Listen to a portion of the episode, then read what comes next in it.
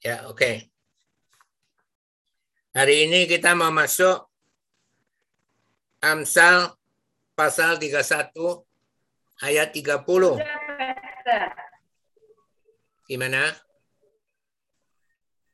Ada yang bicara tadi?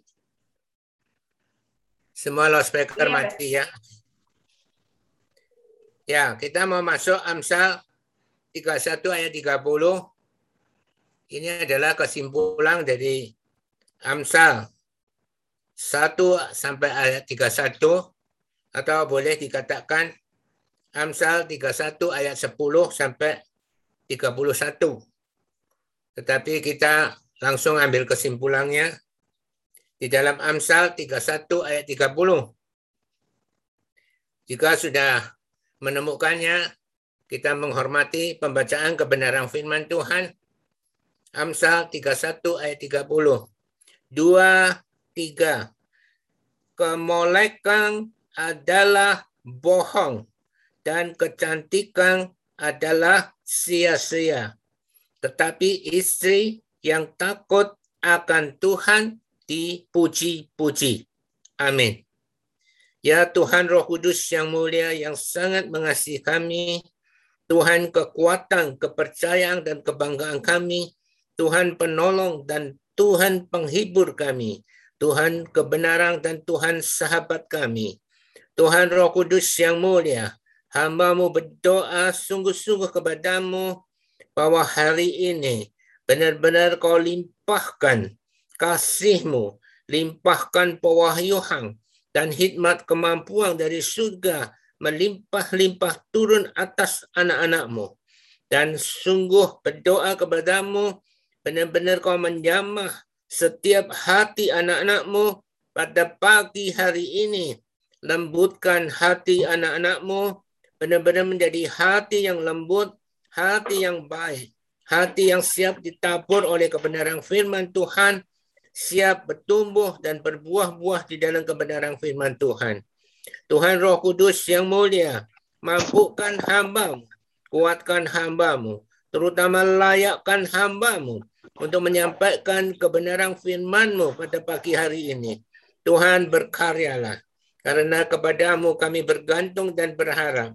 Dengan iman kami percaya doa-doa kami telah kau dengar dan telah kau kabulkan. Mampukan, layakkan hambamu untuk menyampaikan kebenaran firman Tuhan. Layakkan hambamu ya Tuhan. Kami sungguh bangga dan mengucap syukur dan berterima kasih kepadamu karena kau telah mendengarkan doa-doa kami dan kau telah kabulkan doa-doa kami. Di dalam nama Tuhan Yesus, kami sungguh telah berdoa dan mengucap syukur dan bangga Tuhan Roh Kudus yang mulia. Di dalam nama Tuhan Yesus. Haleluya. Amin. Beri kemuliaan bagi Tuhan. Haleluya. Saya minta loudspeaker semua dimatiin. Yang mungkin punya Ibu Sri Sutantina, tolong dimatiin loudspeakernya yang ada gambar loudspeaker itu dikasih palang. Haleluya, haleluya. Haleluya. Saudara, saudara, Amsal 31 ayat 30 ini, ini adalah kata-kata yang bermakna dari Tuhan. Jika seorang yang mendengarkannya dan melakukannya, mendengarkannya dan melakukannya akan memperoleh hikmat kemampuan dari Tuhan. Ya, ya saudara-saudara, Tuhan sangat mengasihi saudara bahwa khotbah setiap minggu demi minggu terus dikhotbahkan kepada saudara. Saudara, Sebenarnya perikop ini dimulai dari Amsal 31 ayat 10 sampai 31. Di situ menceritakan keadaan seorang istri yang baik. Jadi kesimpulan yang dari Amsal 31 ayat 30 itu, bikin suara tidak? itu adalah inti ya itu adalah intinya dari Amsal 31 ayat 10 sampai 31 ini. Apa inti dari Amsal 31 ayat 30 itu? Intinya adalah tentang seorang istri. Jadi perhatikan, intinya adalah tentang seorang istri. Di sini disebut kemolekan adalah bohong dan kecantikan adalah sia-sia. Tetapi istri yang takut akan Tuhan dipuji-puji. Intinya adalah istri. Diceritakan tentang istri.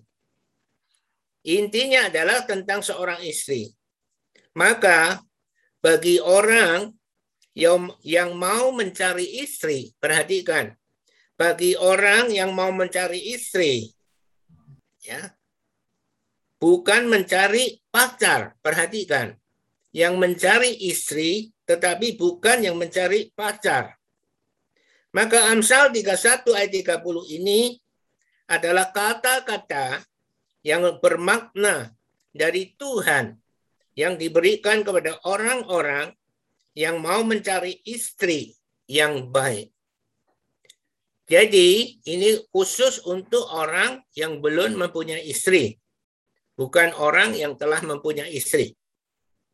Jadi saudara, sekali lagi bahwa inti dari Amsal 31 ayat 30 itu intinya adalah mencari seorang istri, bukan seorang pacar. Saudara, renungkan baik-baik. Jadi ini intinya adalah mencari seorang istri bukan seorang pacar. Jadi juga bukan mencari seorang yang molek. Bukan mencari seorang yang molek. Juga bukan mencari seorang yang cantik. Tetapi bukan juga yang mencari seorang yang cantik. Tetapi jika seorang perempuan yang molek, tetapi juga takut akan Tuhan, atau seorang perempuan yang cantik, tetapi juga takut akan Tuhan, atau seorang perempuan yang molek dan cantik, tetapi juga takut akan Tuhan, itu namanya sempurna itu namanya sempurna. Adakah? Amin. Saudara, ini adalah kita membahas ya inti dari Amsal 31 ayat 30 yang diambil dari Amsal 31 ayat 10 sampai 31 itu ya intinya adalah mencari seorang istri. Mari kita lihat ayat Amsal. Kita melihat lagi bahwa Amsal Amsal 31 ayat 10 sampai 31. Bukankah itu benar-benar seperti itu? Di dalam Amsal 31 ayat 10 disebut sampai 31. Istri yang cakap siapakah akan mendapatkannya. Ia lebih berharga daripada permata. Jadi istri yang cakap itu lebih berharga daripada permata. Hati suami percaya kepadanya, yaitu kepada istri yang cakap suaminya tidak akan kekurangan keuntungan. Ia berbuat baik, yaitu istri berbu istri yang cakap berbuat baik kepada suaminya dan tidak berbuat jahat sepanjang umurnya, sepanjang umurnya. Ia, yaitu istri yang cakap, mencari bulu domba dan rami dan senang bekerja dengan tangannya ia istri yang cakap serupa kapal-kapal saudagar dari jauh ia mendatangkan makanannya. Ia yaitu istri yang cantik bangun kalau masih malam lalu menyediakan makanan untuk seisi rumahnya dan membagi bagikan tugas kepada pelayan-pelayannya perempuan. Ia yaitu istri yang cakap membeli sebuah ladang yang diingininya dan dari hasil tangannya kebun anggur ditanaminya. Ia yaitu istri yang cakap, ia mengikat pinggangnya dengan kekuatan. Ia menguatkan lengannya. Ia tahu bahwa pendapatannya menguntungkannya. Pada malam hari, pelitanya tidak padam dan dia terus bekerja. Tangannya ditaruhnya pada jentera jari-jarinya memegang pemintal yang membuat ya baju kain. Ia memberikan tangannya kepada yang tertindas, mengulurkan tangannya kepada yang miskin. Ia tidak takut kepada salju untuk seisi rumahnya, karena seluruh isi rumahnya berpakaian rangkap, yaitu yang membuat pakaian adalah istri yang cakap itu. Ia membuat bagi dirinya permadani, lenan halus, dan kain ungu pakaiannya. Suaminya dikenal di pintu gerbang kalau ia duduk bersama-sama para tua-tua negeri. Ia membuat pakaian dari lenan dan menjualnya ia menyerahkan ikat pinggang kepada pedagang. Pakaiannya adalah kekuatan dan kemuliaan. Ia tertawa tentang hari depan. Ia membuka mulutnya dengan hikmat. Pengajaran yang lemah lembut ada di lidahnya. Ia mengawasi segala perbuatan rumah tangganya. Makanannya makanan kemalasan tidak dimakannya. Anak-anaknya bangun dan menyebutnya bahagia. Pula suaminya memuji dia. Banyak wanita telah berbuat baik. Tetapi kau, yaitu istri yang cakap, melebihi mereka semua. Kemolekan adalah bohong dan kecantikan adalah sia-sia tetapi istri yang takut akan Tuhan dipuji-puji. Berilah kepadanya, yaitu istri yang cakap, bagian dari hasil tangannya. Biarlah perbuatannya memuji dia di pintu-pintu gerbang. Jadi ini diambil dari Amsal 31 ayat 10 sampai 31. Dan kesimpulannya, intinya adalah kemolekan adalah bohong dan kecantikan adalah sia-sia. Tetapi istri yang takut akan Tuhan dipuji-puji. Saudara, jadi sekarang kita mau belajar apa arti yang dinamakan seorang perempuan yang takut akan Tuhan itu. Sekarang kita belajar apa yang disebut seorang perempuan yang takut akan Tuhan itu.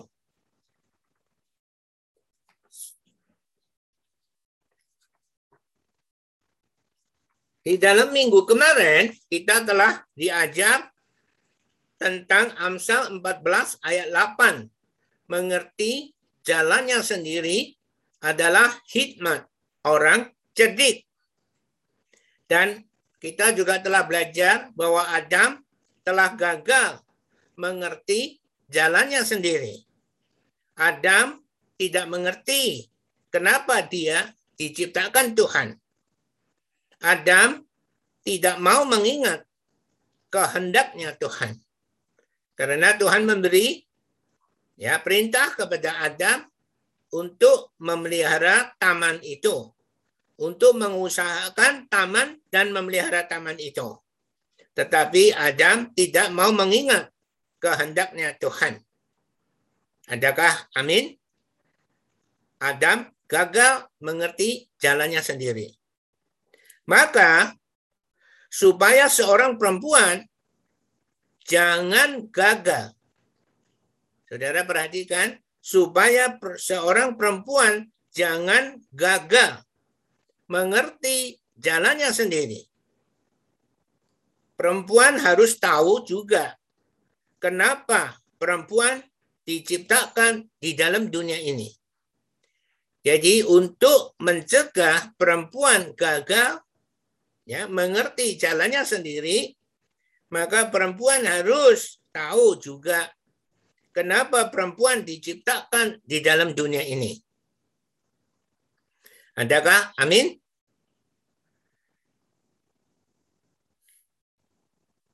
Tetapi banyak orang akan mengatakan, banyak perempuan akan mengatakan, oh, ke, karena kehendak orang tuaku, aku lahir di dunia ini. Tidak ada hubungan, ada tidak ada hubungan dengan suaminya sama sekali.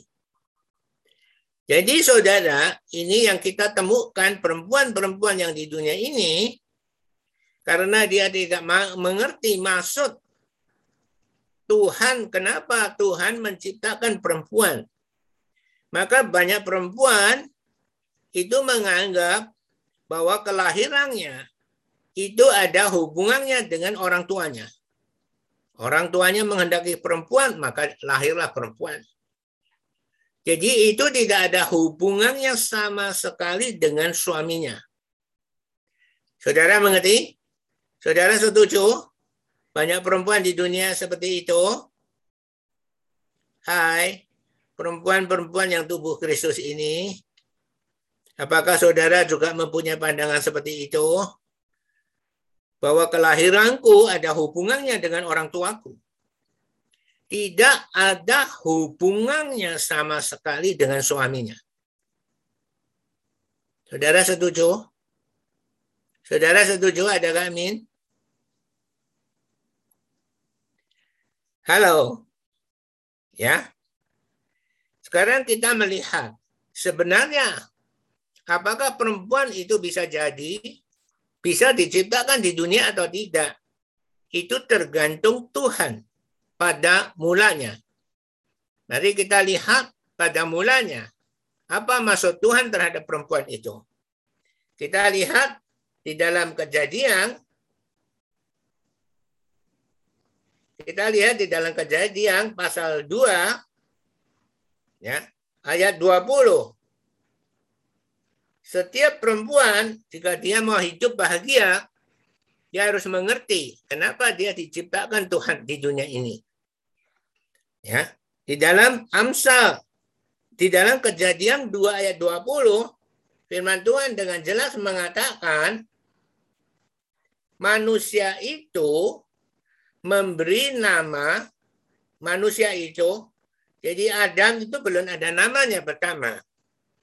Namanya adalah manusia. Tuhan menciptakan manusia, yaitu laki-laki.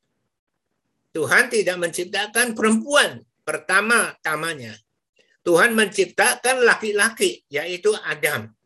Yaitu manusia, disebut manusia. Di dalam Alkitab disebut manusia. Manusia itu memberi nama kepada segala ternak, kepada burung-burung di udara, dan kepada segala binatang hutan.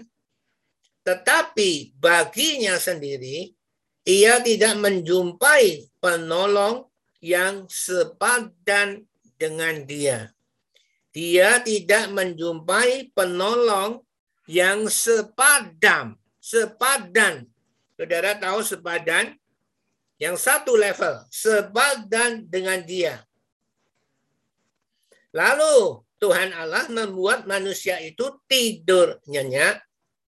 Ketika manusia tidur, Tuhan Allah mengambil salah satu rusuk daripada manusia lalu menutup tempat itu dengan daging. Perhatikan ya. Dan dari rusuk yang diambil Tuhan Allah dari manusia itu dibangunnya lah seorang perempuan. Lalu dibawa Tuhan kepada manusia itu. Lalu berkatalah manusia itu, inilah dia tulang dari tulangku dan daging dari dagingku. Ia akan dinamai perempuan sebab ia diambil dari laki-laki. Jadi, saudara harus mengerti asal usul perempuan itu. Dari tulang rusuk manusia itu dan dagingnya dibentuklah seorang perempuan. Ini adalah maksud Tuhan. Jika perempuan tahu bahwa dia adalah tulang rusuk dan daging dari seorang laki-laki sebagai suaminya, maka dia mengerti jalannya sendiri. Dia tidak gagal mengerti jalannya sendiri. Jadi saudara mengerti? Amin. Jadi perempuan tidak diciptakan dari debu dan tanah, tetapi manusia diciptakan dengan debu dan tanah dan dihembusi nafas hidup oleh Tuhan. Tetapi perempuan di sini disebut ya Lalu Tuhan Allah membuat manusia itu tidurnya. Ketika manusia tidur, Tuhan Allah mengambil salah satu rusuk daripada manusia, lalu menutup tempat itu dengan daging, yaitu daging manusia.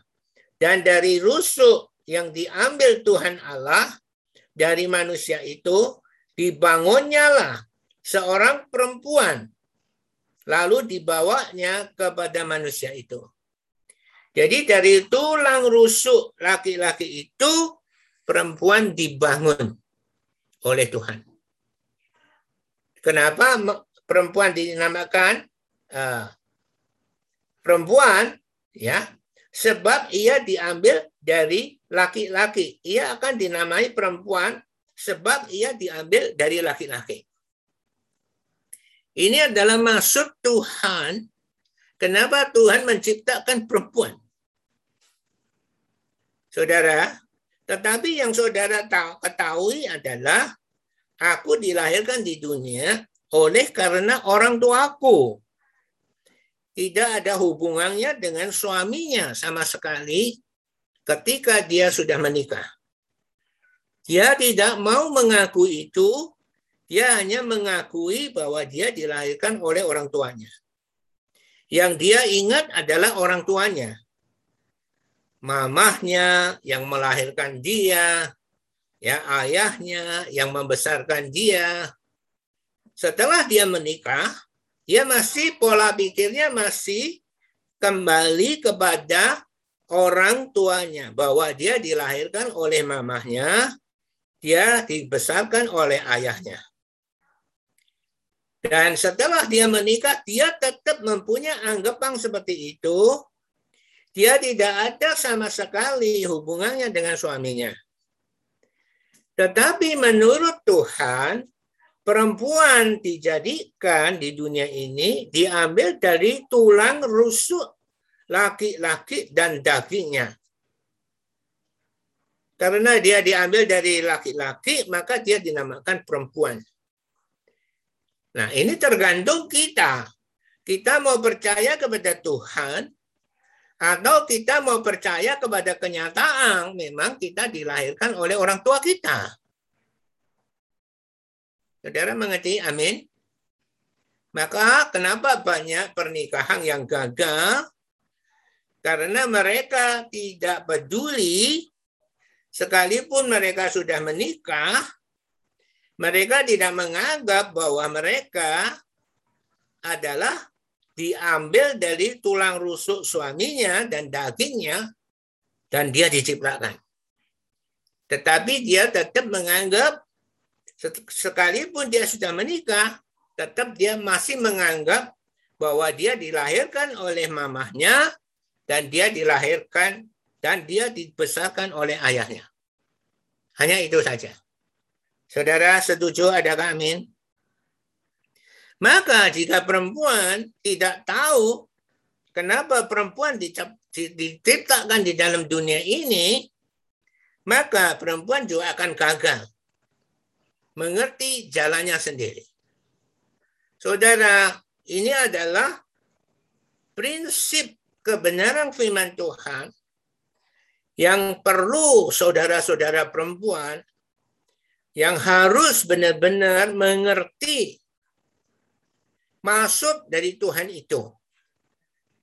Jika saudara tidak mau mengerti, percaya saudara akan gagal di dalam kehidupan pernikahan saudara. Mungkin saudara gagal 10 tahun kemudian, mungkin setelah 20 tahun kemudian, bahkan mungkin baru satu tahun kemudian saudara sudah gagal. Saudara, ini adalah hari ini Tuhan mau mengajar inti dari Amsal 31 ayat 30 itu kemolekan adalah bohong dan kecantikan adalah sia-sia. Tetapi istri yang takut akan Tuhan dipuji-puji. Jadi istri yang takut akan Tuhan, yaitu takut akan melanggar kebenaran firman Tuhan atau melanggar kehendak Tuhan. Kenapa perempuan diciptakan? Itu namanya isi yang takut akan Tuhan. Saudara mengerti?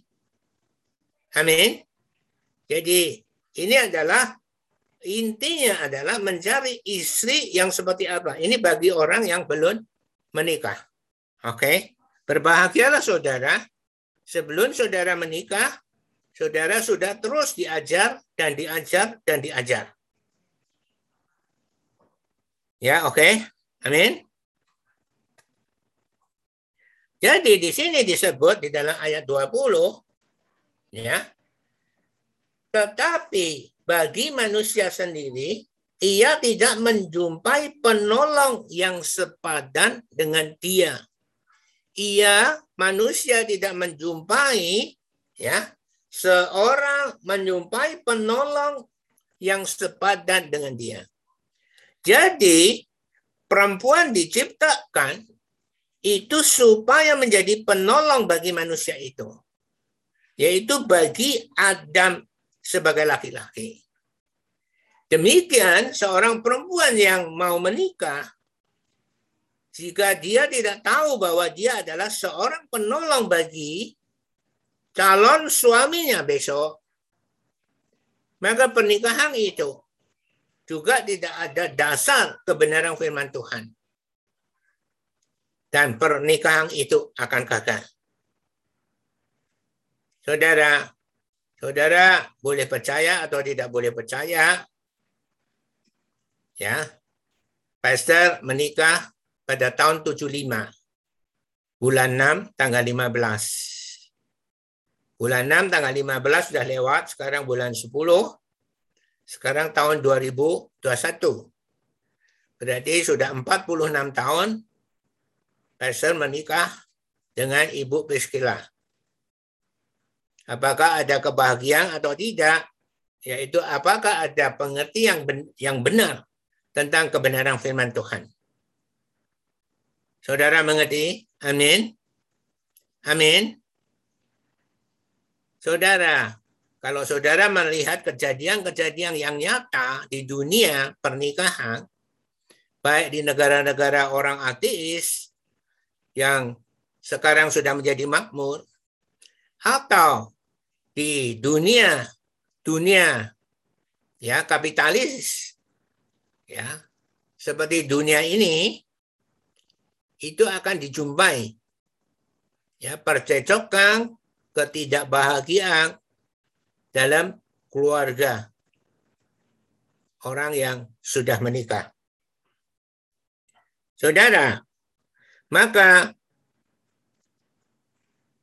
perempuan harus mengerti maksud Tuhan jika saudara mau gabung dengan seorang laki-laki di dalam pernikahan, maka saudara harus siap menjadi penolong.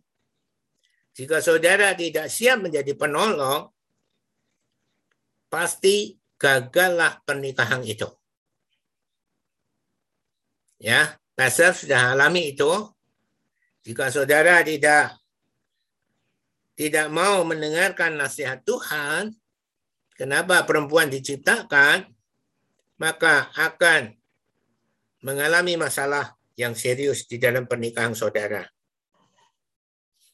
Tetapi jika seorang perempuan mengerti maksud dari Tuhan, kenapa perempuan diciptakan di dunia ini, maka perempuan akan mengerti jalannya sendiri. Jadi kalau perempuan mengerti maksud dari Tuhan kenapa perempuan diciptakan di dunia ini, maka perempuan itu akan mengerti jalannya sendiri. Karena perempuan itu hormat kepada maksud Tuhan kepada dirinya sendiri itu.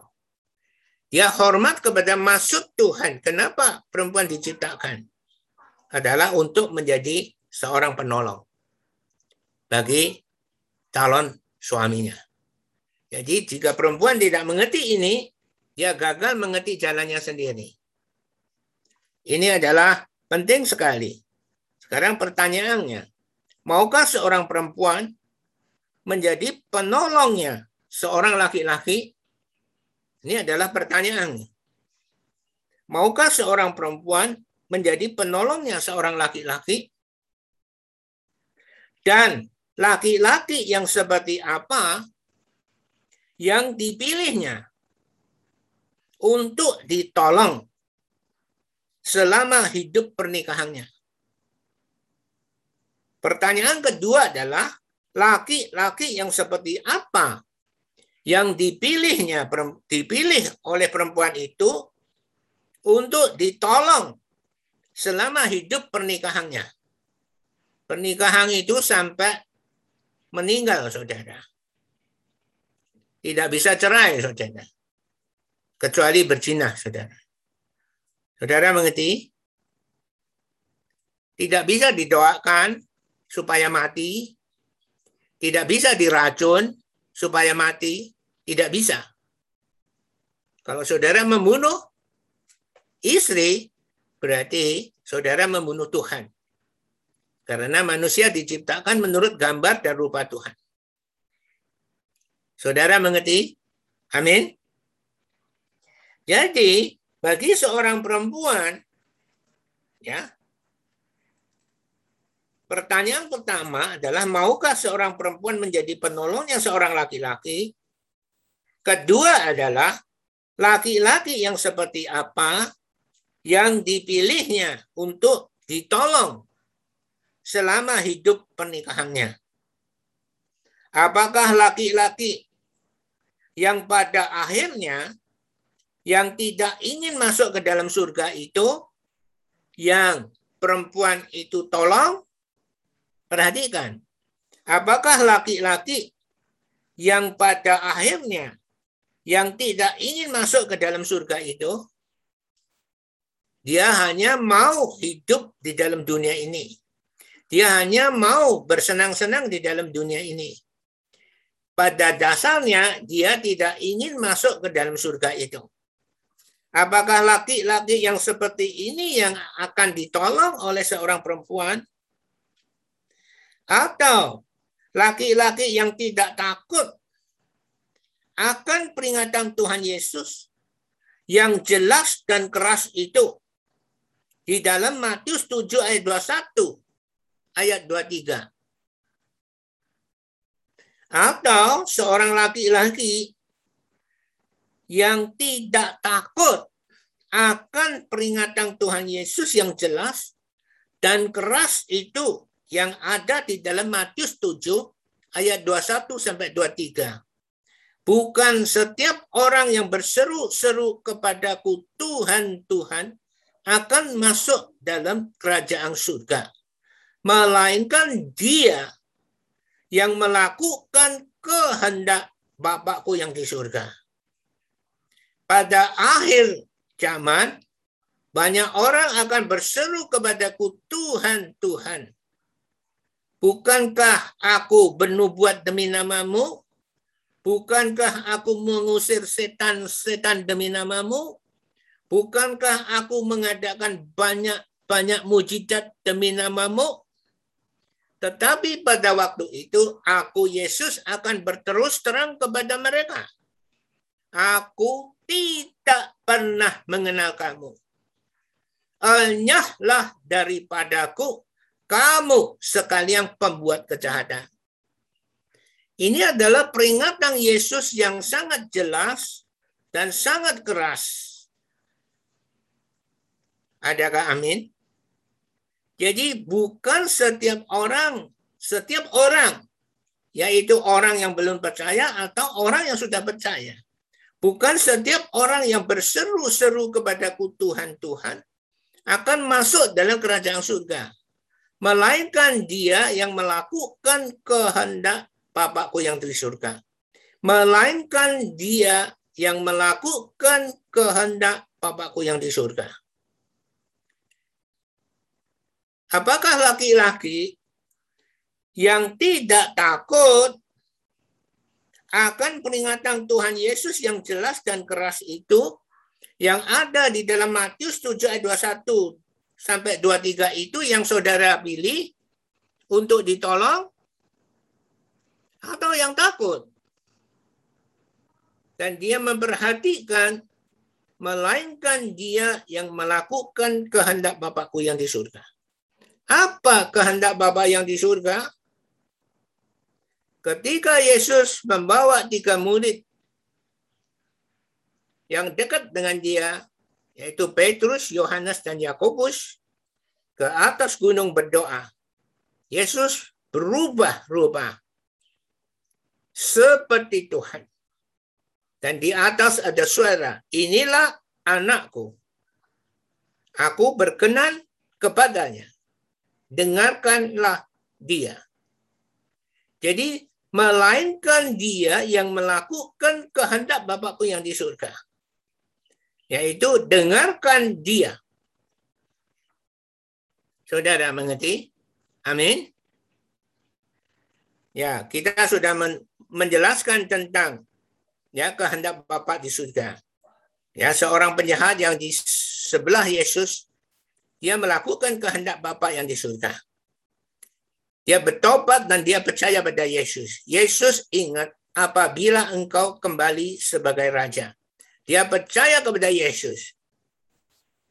Sesuai kehendak Bapa, yaitu betapa besar kasih Allah akan dunia ini sehingga dia telah karuniakan anaknya yang tunggal supaya setiap orang yang percaya kepadanya tidak binasa, melainkan beroleh hidup yang kekal. Dia melakukan kehendak Bapa di surga, ya. Dia percaya kepada Yesus. Yesus, ingat aku apabila aku apabila engkau kembali sebagai raja. Dia percaya Yesus akan kembali sebagai raja kerajaan surga. Maka Yesus bilang, sesungguhnya Hari ini juga engkau bersama-sama dengan aku di surga. Di Firdaus. Ini adalah kehendak Bapak di surga. Demikian seorang ya tua yang sakit umur 80 tahun yang dua jam lagi meninggal dan kita hampiri. Apakah Om perlu didoakan? Iya. Apakah Om percaya Om tidak pernah berbuat dosa? Tidak. Aku pernah berbuat dosa. Apakah Om percaya Om bisa menebus dosa Om sendiri? Tidak. Apakah Om mau ditolong oleh Yesus yaitu seorang yaitu Tuhan yang menjelma menjadi manusia yang akan menyelamatkan umat manusia dari dosa mereka. Aku mau. Oke, Om, ikut doa saya. Dan menerima Yesus sebagai Tuhan. Dan orang yang sakit ini memenuhi kehendak Tuhan atau tidak? Memenuhi. Dia mau percaya kepada janji Tuhan. Maka dia masuk surga, dia masuk. Tetapi bagi saudara-saudara yang telah diajar, bahkan disiapkan untuk memenuhi amanat agung Tuhan Yesus. Tuhan akan menganggap saudara seperti penjahat yang disalib di sebelah Yesus atau seorang tua yang mau mati dua jam dan didoakan. Saudara, ini yang dimaksud. Maka jika saudara ya, jika saudara mau ya, takut akan Tuhan atau peringatan Tuhan yang sangat keras dan jelas itu saudara tidak ada jalan keluar selain saudara mendengarkan apa yang dikatakan Yesus. Apa dikatakan Yesus sebelum dia naik ke surga? Pergi, jadikanlah semua bangsa muridku. Jadikanlah semua bangsa muridku. Bukanlah jadikan semua bangsa pemercayaku. Tetapi jadikanlah semua bangsa muridku. Bagaimana saudara bisa memuridkan kalau saudara sendiri tidak dimuridkan? Jika saudara sebelum ada murid, saudara mau memuridkan diri saudara. Saudara sedang mendengarkan apa yang dikatakan Yesus. Maka pertanyaan tadi, jika seorang perempuan mengerti maksud dari Tuhan, kenapa perempuan diciptakan di dunia ini? Maka dia mengerti jalannya sendiri. Karena dia hormat kepada maksud Tuhan terhadap dirinya sendiri itu. Sekarang maukah seorang perempuan menjadi penolong yang seorang laki-laki? Dan laki-laki yang seperti apa yang dipilihnya untuk ditolong selama hidup pernikahannya? Apakah laki-laki yang pada akhirnya tidak ingin masuk ke dalam surga itu yang perempuan itu pilih untuk ditolong selama hidup pernikahannya? Atau seorang laki-laki yang tidak takut akan peringatan Tuhan Yesus yang jelas dan keras itu di Matius 7 ayat 21 23 itu. Termasuk saudara-saudara. Laki-laki yang ada di tubuh Kristus ini. Atau seorang laki-laki yang mengabaikan amanat agung Tuhan Yesus itu. Tidak peduli aku melakukan amanat agung Tuhan Yesus atau tidak. Sedang itu amanat, perintah agung, amanat agung. atau seorang laki-laki yang mengabaikan amanat agung Tuhan Yesus itu yang enggan, saudara tahu, enggan atau males mendengarkan khotbah-khotbah ekspositori yang benar kembali untuk belajar giat sebagai bekal untuk memuridkan semua bangsa menjadi murid Yesus. Ketika saudara mendengarkan khotbah ekspositori kembali, saudara dilatih bagaimana mengambil satu kesimpulan atau pewahyuan dari satu perikop demi perikop dengan benar. Kalau saudara mendengarkan kembali, saudara akan dilatih. Dan saudara akan dapat membaca Alkitab sendiri setiap harinya. Dan dapat menangkap pewahyuan pewahyuan yang benar. Karena saudara telah dilatih karena saudara mendengarkan khotbah-khotbah ekspositori yang benar. Sehingga saudara mengerti bagaimana menangkap pewahyuan yang benar dari satu perikop demi satu perikop maka saudara akan bertumbuh dan bertumbuh dan saudara akan bisa memuridkan semua bangsa menjadi murid Yesus. Atau saudara, yaitu perempuan yang mau menolong ya seorang calon suami yang enggan menjadi garam dan terang di dalam dunia ini. Ya, dia tidak mau jadi garam dan terang di dunia ini. Kalau dia sebagai pekerja, dia menjadi pekerja yang paling baik. Berarti dia menjadi garam menjadi terang. Apa kenapa garam? Kalau saudara makan tidak ada garam, pasti tidak enak sama sekali. Maka Tuhan bilang, engkau, kamu adalah garam dunia. Jika garam tidak asin lagi, berarti garam itu harus asin. Jika garam tidak asin lagi, dengan apakah garam itu diasinkan? Sedang yang asin di dunia itu adalah garam. Dengan apakah garam itu diasinkan? Tidak ada gunanya lagi. Selain dibuang dan diinjak orang. Jadi hidup itu harus punya pengaruh dan terang dunia. Kita menjadi pekerja yang terbaik. Jadi kita menjadi terang di dalam lingkungan pekerjaan itu. Kita jadi pedagang, pedagang yang terbaik, maka kita akan menjadi terang di dalam lingkungan perdagangan itu. Apakah laki-laki yang enggan menjadi garam dan terang di dalam dunia ini yang akan saudara tolong selama hidup pernikahan saudara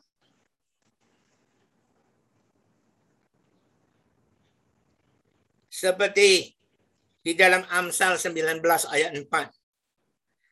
Kekayaan menambah banyak sahabat, tetapi orang miskin ditinggalkan sahabatnya. Apakah laki-laki yang tidak punya cita-cita untuk menjadi kaya demi Tuhan, yang perempuan itu akan tolong selama ya hidup pernikahannya, atau seorang laki-laki yang paling sedikit seperti Paulus, paling sedikit seperti Paulus, ya mempunyai basic ekonomi. Saudara tahu basic? Fondasi ekonomi. Ya, paling sedikit ada pemasukan, baru ada pengeluaran. Bukan mengeluar, bukan keluar terus, tetapi tidak ada pemasukan. Atau paling sedikit laki-laki yang seperti Paulus mempunyai basic ekonomi untuk memuridkan semua bangsa menjadi murid Yesus Kristus itu. Di dalam kisah Rasul 30, kisah Rasul 20, Saudara catat. Jangan sampai lupa. Kisah Rasul 20 ayat 34. Kamu sendiri tahu bahwa dengan tanganku Paulus sendiri, aku Paulus telah bekerja untuk memenuhi keperluanku dan keperluan kawan-kawan seperjalananku. Dalam segala sesuatu, telah ku Paulus berikan contoh kepada kamu, yaitu penatua. Ya, jemaat Efesus, bahwa dengan bekerja demikian, kita, yaitu Paulus dengan kawan-kawan seperjalanannya, harus membantu orang-orang yang lemah dan harus mengingat perkataan Tuhan Yesus. Sebab Tuhan Yesus sendiri telah mengatakan adalah lebih berbahagia memberi daripada menerima. Jadi atau paling sedikit seorang laki-laki ya yang seperti Paulus mempunyai basic ekonomi untuk memurid, memuridkan semua bangsa menjadi murid Yesus Kristus dan seorang perempuan menjadi penolong selama hidup pernikahannya dengan seorang laki-laki itu. Itu tergantung perempuan itu. Ya, amin. Tergantung perempuannya itu. Dia bijaksana atau tidak. Dia menyerahkan hidupnya loh. Selama hidup pernikahannya. Tidak boleh cerai loh. Yang boleh cerai itu kan dunia. Tetapi bagi bagi Tuhan itu tidak boleh. Kecuali berzina. Atau sekarang pertanyaannya, tadi ada perempuan yang mau menolong seorang laki-laki yang seperti apa? Sekarang atau saudara menjadi seorang perempuan yang ingin menjadi ratu. Saudara tahu ratu, princess, menjadi seorang ratu seperti dongeng-dongeng legenda. Saudara tahu dongeng, dongeng legenda? Ya, ya legend-legend, legenda-legenda, dongeng-dongeng, atau cerpen-cerpen dunia ini. Cerita pendek, cerita pendek dunia itu. Atau sebut, seperti tren dunia ini. Saudara mau menjadi perempuan yang seperti tren dunia ini. Saya memberi contoh. Ya, banyak orang-orang yang cari jodoh. Kalau bahasa Mandarinnya adalah Xiangqin. Cari jodoh. Di negara ateis yang sekarang telah menjadi makmur itu. Sekarang kalau mereka Ya mereka kerja-kerja sampai 30 belum menikah. Maka hanya dengan Xiang Qin ditemukan, dijodohkan. Ya, apa pertemuan itu? Saudara, pertanyaannya. Pertanyaan dari pihak perempuan kepada pihak laki-laki. Apa di dalam Xiang Qin itu? Pertanyaannya adalah, punya mobilkah ini pertanyaan pertama. Merek apakah mobilmu? Pertanyaan kedua, punyakah apartemen? Apartemen seperti apa? Punyakah perusahaan? Perusahaan seberapa besarkah perusahaanmu? Dan lain-lain. Jika saudara mencari perempuan yang seperti itu, yang ingin menjadi ratu di dalam dunia ini, saudara mencari penolong atau saudara mencari pembunuh. saudara mencari penolong atau saudara mencari pembunuh. Saudara bisa dibunuh habis-habisan. Amin. Saudara mengerti? Ya, perempuan yang mau menjadi ratu seperti dongeng-dongeng legenda atau cerpen-cerpen dunia itu atau seperti tren-tren dunia ini Tuhan bilang tidak. Ya, amin. Kemolekan adalah bohong.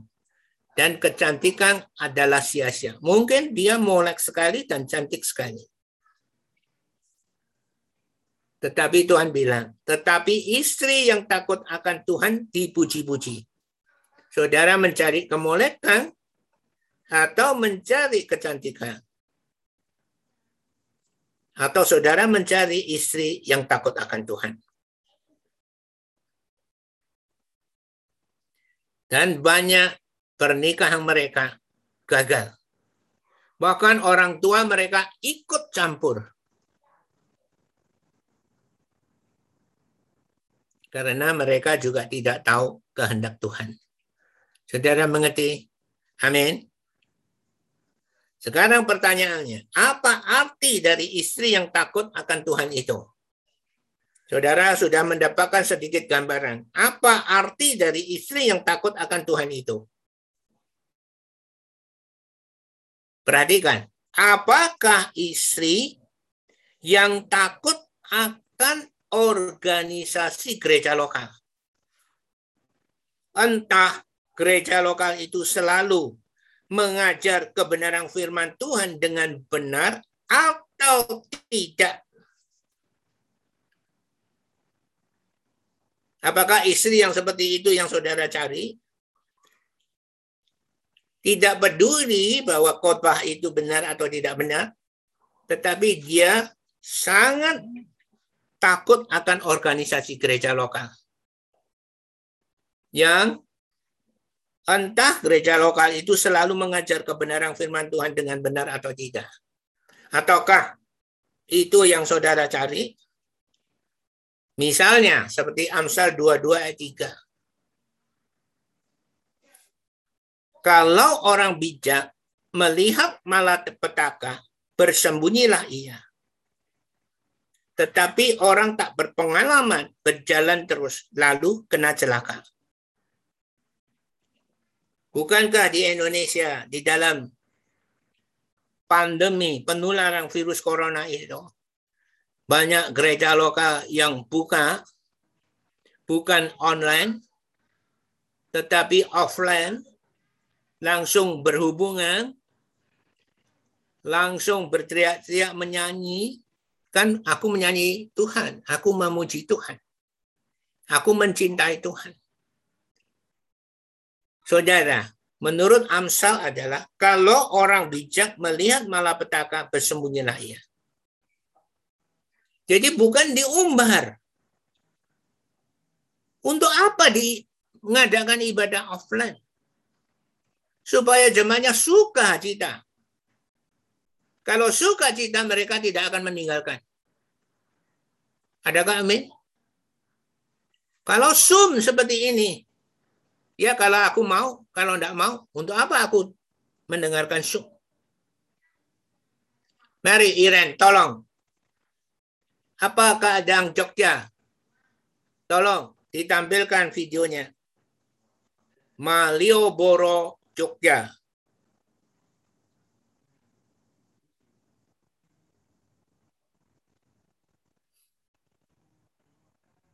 Saudara lihat apa Jogja sekarang ini. Ini Malioboro, ditutup tidak ada kendaraan. Ini melebihi Orchard, saudara. Melebihi Orchard Singapura. Orchard Singapura dulu lebih ramai daripada ini. Sekarang Orchard Singapura sedikit orang berjalan.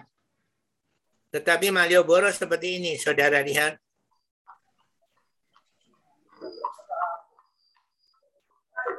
Saudara lihat sendiri. Hebat atau tidak? Berpesta pora. Lihat kaki lima. Lihat. Hebat tidak Malioboro? Bangga enggak jadi gubernurnya? Bangga sekali.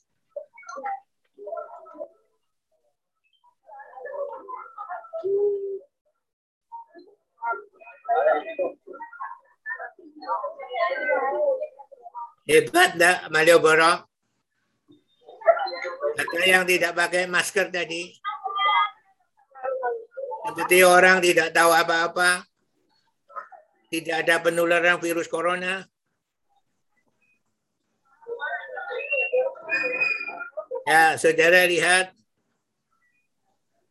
Hebatkah kota Yogyakarta, Malioboro, yang di, terkenal di seluruh dunia melebihi Orchard.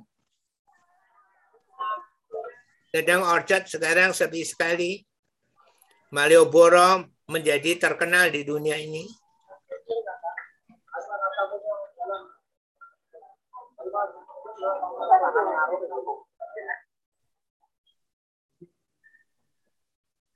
Ya, sudah lihat? Demikian yang bergereja tidak takut. Bukan pakai online, tetapi offline. Dan untuk apa gereja lokal mengajakkan gereja beribadah secara offline? Tujuannya apa? Untuk menyelamatkan jemaatnya atau untuk menjerumuskan jemaatnya untuk kena COVID-19? melanggar Amsal 22 ayat 3. Maka saudara, renungkan baik-baik saudara. Takut akan Tuhan itu artinya adalah sangat menghormati nasihat-nasihat yang Tuhan berikan melalui firman-firmannya. Itu yang dinamakan takut akan Tuhan sangat menghormati nasihat-nasihat yang Tuhan berikan melalui firman-firmannya. Bukan dilanggarnya. Dengan cara bagaimana kita dapat menjalin hubungan persahabatan dengan lawan jenis itu, tadi prinsip-prinsip siapa perempuan itu.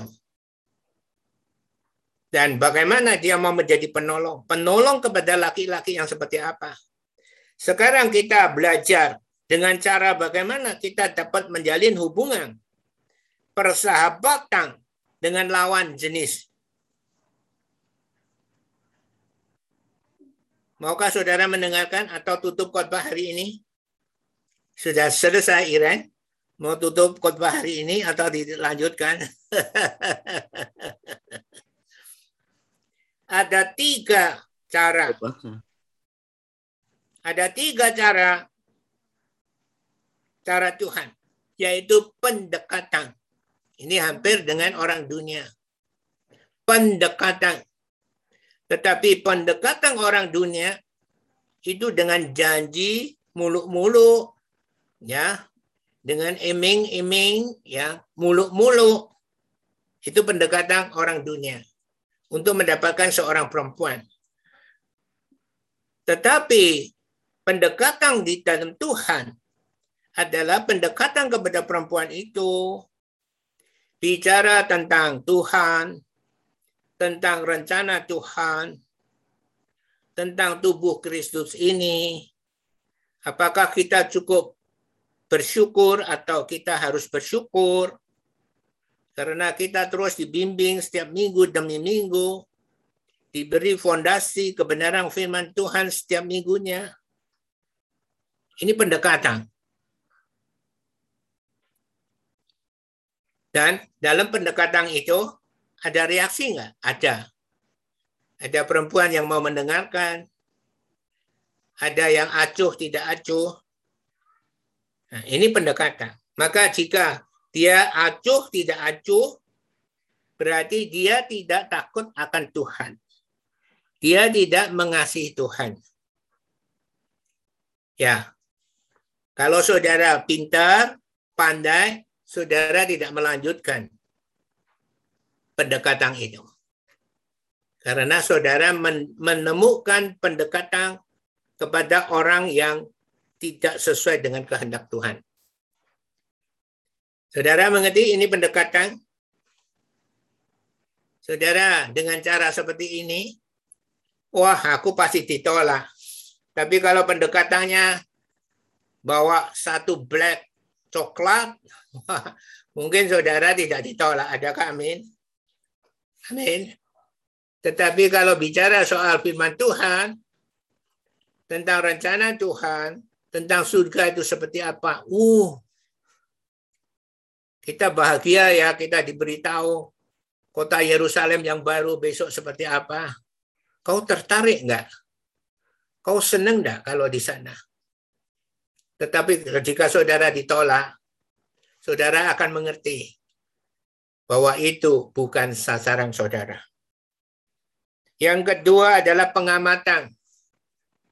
Setelah saudara ya bicara tentang rencana Tuhan, tentang besok kita seperti apa di dalam kerajaan surga, dan dia tertarik, dan dia juga sungguh-sungguh mau memenuhi amanah agung Tuhan Yesus, maka saudara akan mengamati dia. Apakah dia sungguh-sungguh? Apakah dia pura-pura? Apakah dia hanya panas? Tai-tai ayam? Sebentar saja sudah dingin? Atau dia benar-benar sungguh-sungguh mengasihi Tuhan dan melayani Tuhan.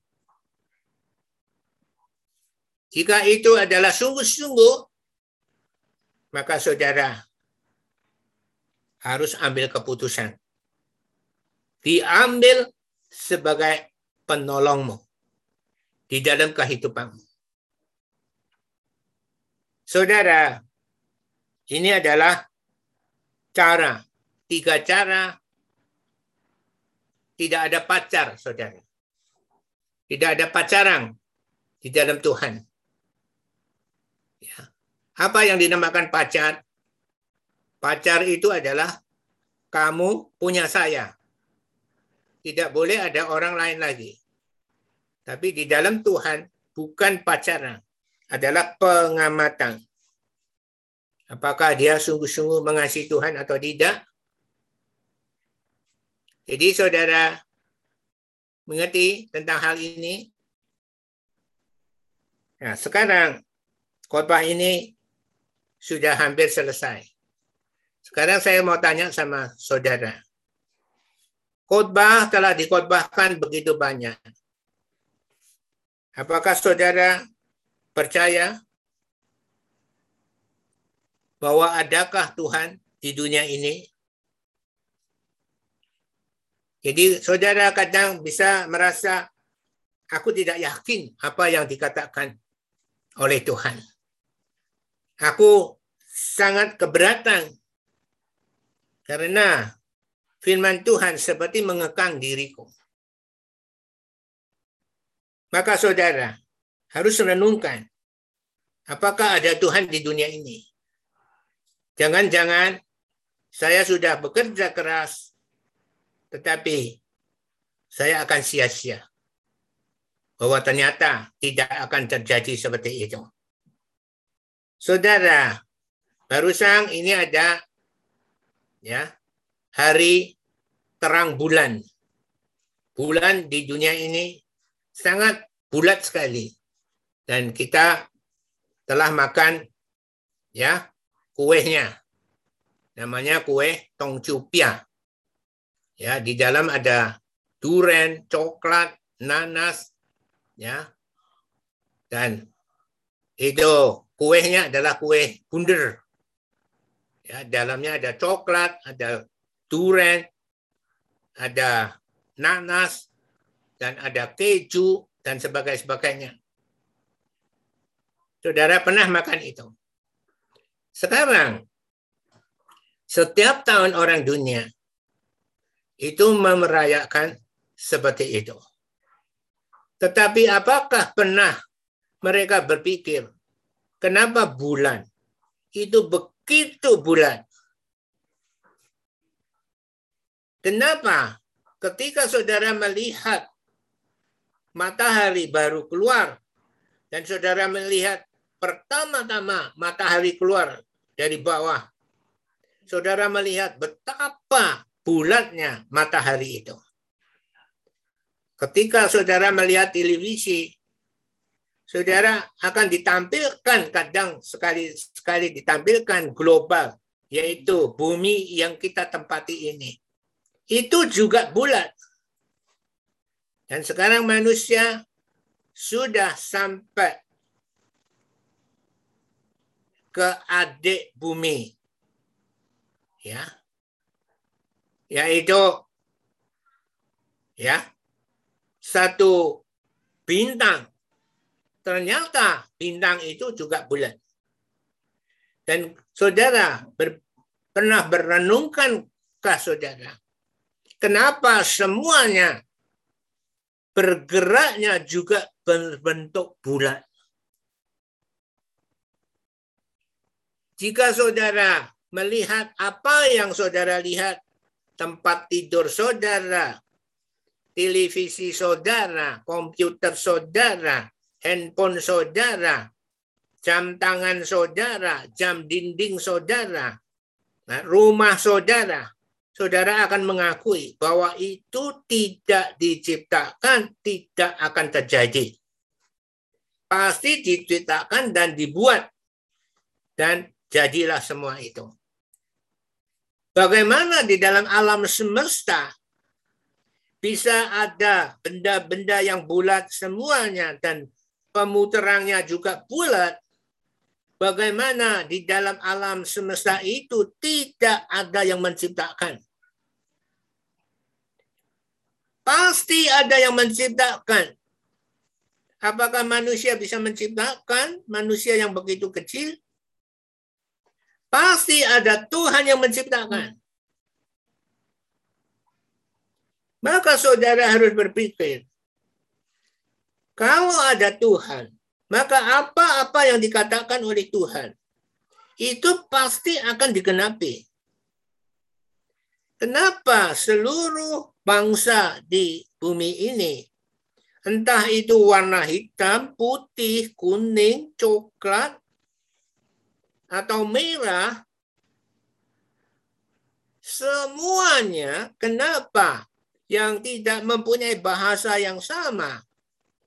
Kenapa mempunyai hati yang sama? Bahwa mereka tidak setuju untuk pembunuhan. Kenapa? Kenapa mereka mempunyai hati mengasihi? Kenapa mereka mengerti bahwa iri itu tidak baik? Mengapa mereka mengerti bahwa berzina itu tidak baik? Sekalipun manusia telah jatuh dalam dosa, tetapi sisa yaitu karena manusia diciptakan menurut gambar dan rupa Tuhan. Maka sisa sisa rupa Tuhan itu masih ada di dalam diri kita. Apalagi bagi orang-orang yang telah percaya. Saudara telah mengalami ketika saudara menerima Yesus sebagai Kristus dan Tuhan. Pada waktu itu saudara mempunyai satu perasaan yang tidak bisa diutarakan dengan gambar. Apa pun yang ada di dunia ini. Tetapi ada sukacita yang telah melanda hati saudara. Saudara merasa tenang. Dan ketika saudara dibaptis Roh Kudus, bagaimana saudara merasa lega sekali. Ada sukacita yang memenuhi saudara. Jika saudara mau merenungkan semuanya itu, saudara harus percaya Tuhan itu ada. Dan kita tidak boleh percaya pada hatinya kita sendiri. Kita hanya percaya pada hatinya sendiri. Kita harus percaya pada Tuhan. Maukah saudara mendengarkan kebenaran firman Tuhan? Tuhan itu ada, saudara. Saya sudah mengalami tiga menit listrik ketika saya didoakan anak sulung saya pada tanggal 26 Oktober 1997 di kota Melbourne di sebuah lapangan basket sekolah yang pada hari Minggu tidak ada sekolah di situ kita ibadah. saudara juga telah mengalami banyak hal seperti itu. Kenapa saudara tidak sungguh-sungguh mau taat kepada Tuhan? Sebanyaknya khotbah kebenaran yang telah disampaikan pada saudara. Jika saudara tidak mau sungguh-sungguh merenungkan bahwa Tuhan itu ada, saudara percaya. Sudah berulang-ulang saya mengatakan bahwa tiket pesawat saya yang selalu saya pesan ya tempat duduk nomor 6 itu paling depan yang harganya seperti harga ekonomi. 7 atau 8 sudah tiga empat kali diganti menjadi nomor satu. Apakah itu kebetulan atau apakah itu ada Tuhan? Saudara, mari renungkan. Jangan khotbah ini terus dikhotbahkan. Tetapi saudara tetap tidak bisa percaya. Dan saudara tetap menganggap kebenaran-kebenaran firman Tuhan itu adalah pengetahuan saja. Tetapi bukan menjadi prinsip kehidupan saudara.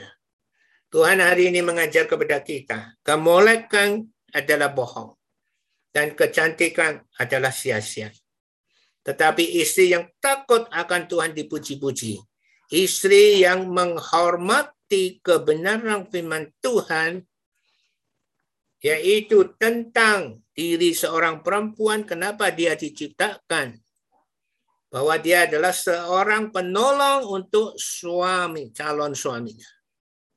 Dan suami yang seperti apa yang Tuhan inginkan untuk dia menyerahkan sisa hidupnya di dalam sepanjang pernikahan itu.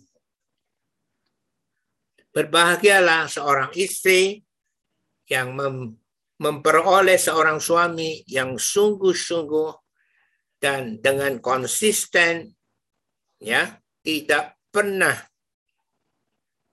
meninggalkan amanat agung Tuhan Yesus. Baiklah kita tutup khotbah hari ini. Kita bersyukur kepada Tuhan atas kebenaran firman Tuhan ini bagi anak muda, ya baik itu perempuan maupun laki-laki. Saya percaya saudara akan mempunyai satu pernikahan yang berhasil di dalam kehidupan saudara. Mari kita berdoa. Haleluya. Haleluya. Tuhan inilah anak-anakmu yang ada di kota Yogyakarta yang kebanyakan terdiri dari anak-anak muda, mudi, dan mereka telah dibimbing olehmu dan memperoleh pendidikan kuliah hampir rata-rata Tuhan. Bahkan ada sebagian yang telah kau luluskan.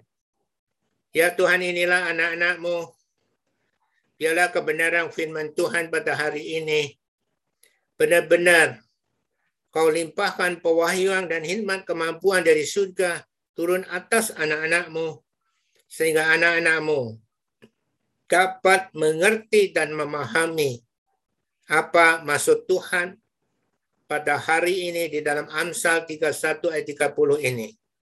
Biarlah anak-anakmu terus benar-benar menjadi satu keluarga-keluarga yang kuat sesuai dengan kebenaran firman Tuhan karena dibangun oleh kebenaran firman Tuhan dan mereka akan menjadi kekuatan yang dahsyat untuk memperluas kerajaanmu di muka bumi ini, untuk membangun gereja-gereja lokal yang kuat dan alkitabiah di seluruh kota-kota Indonesia bahkan sampai ujung bumi.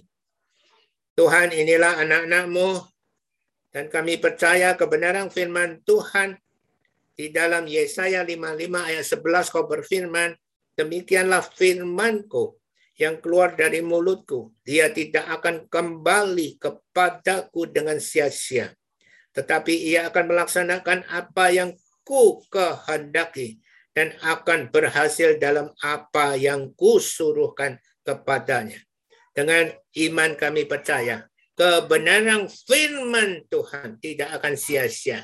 Dan anak-anakmu ini akan kau bangun, akan kau sertai, kau lindungi, dan akan jadikan mereka menjadi garam dan terang di dunia ini.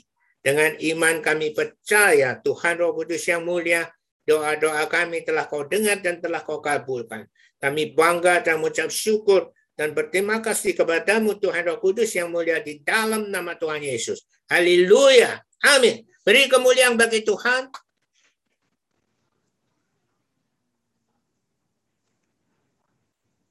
Ya, haleluya. Ada pertanyaan anak-anak muda-mudi?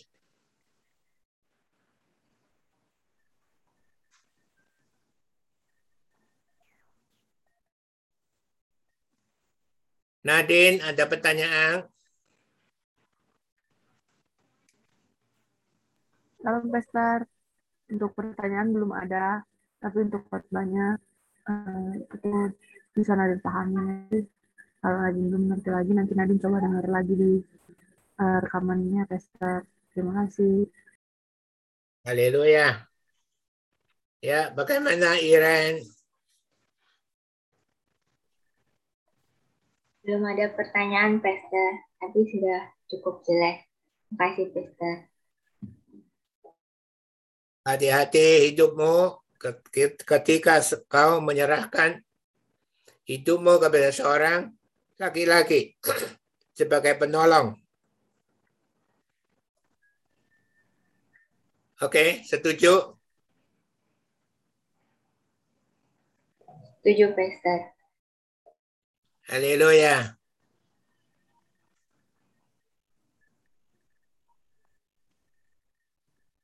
Bagaimana Marni? Ada pertanyaan? Ya, Pester. Belum ada Pester.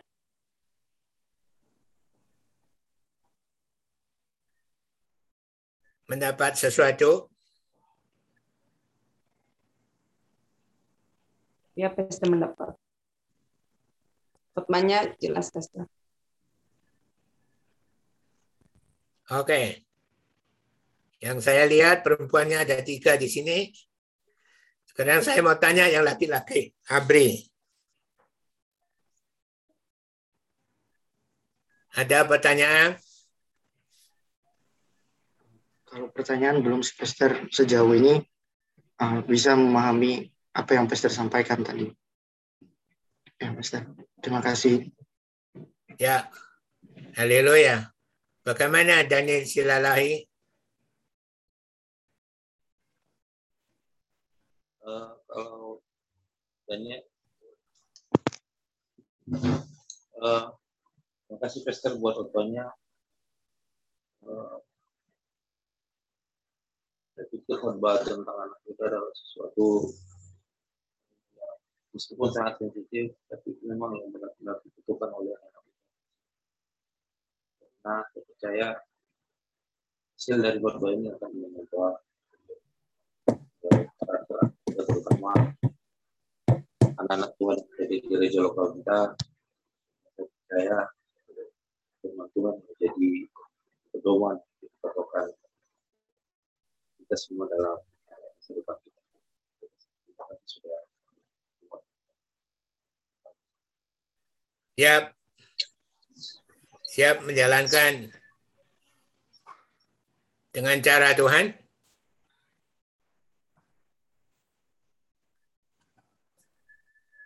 Oke. Ya, bagaimana Alek? Ya, saya tanya muda-muda dulu. Gimana pertanyaan Pester, tapi khotbahnya jelas dan umum tadi. Terima kasih Pester. Ya. Oke, haleluya. Bagaimana Noval?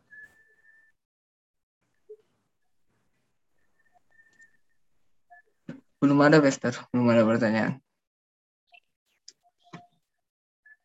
Jelas khotbahnya? Cukup jelas, Pester. Mau didengarkan kembali? Hmm. Iya, Pester.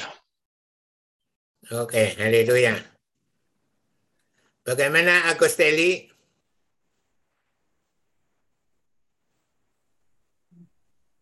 Ada pertanyaan sedikit, Pester.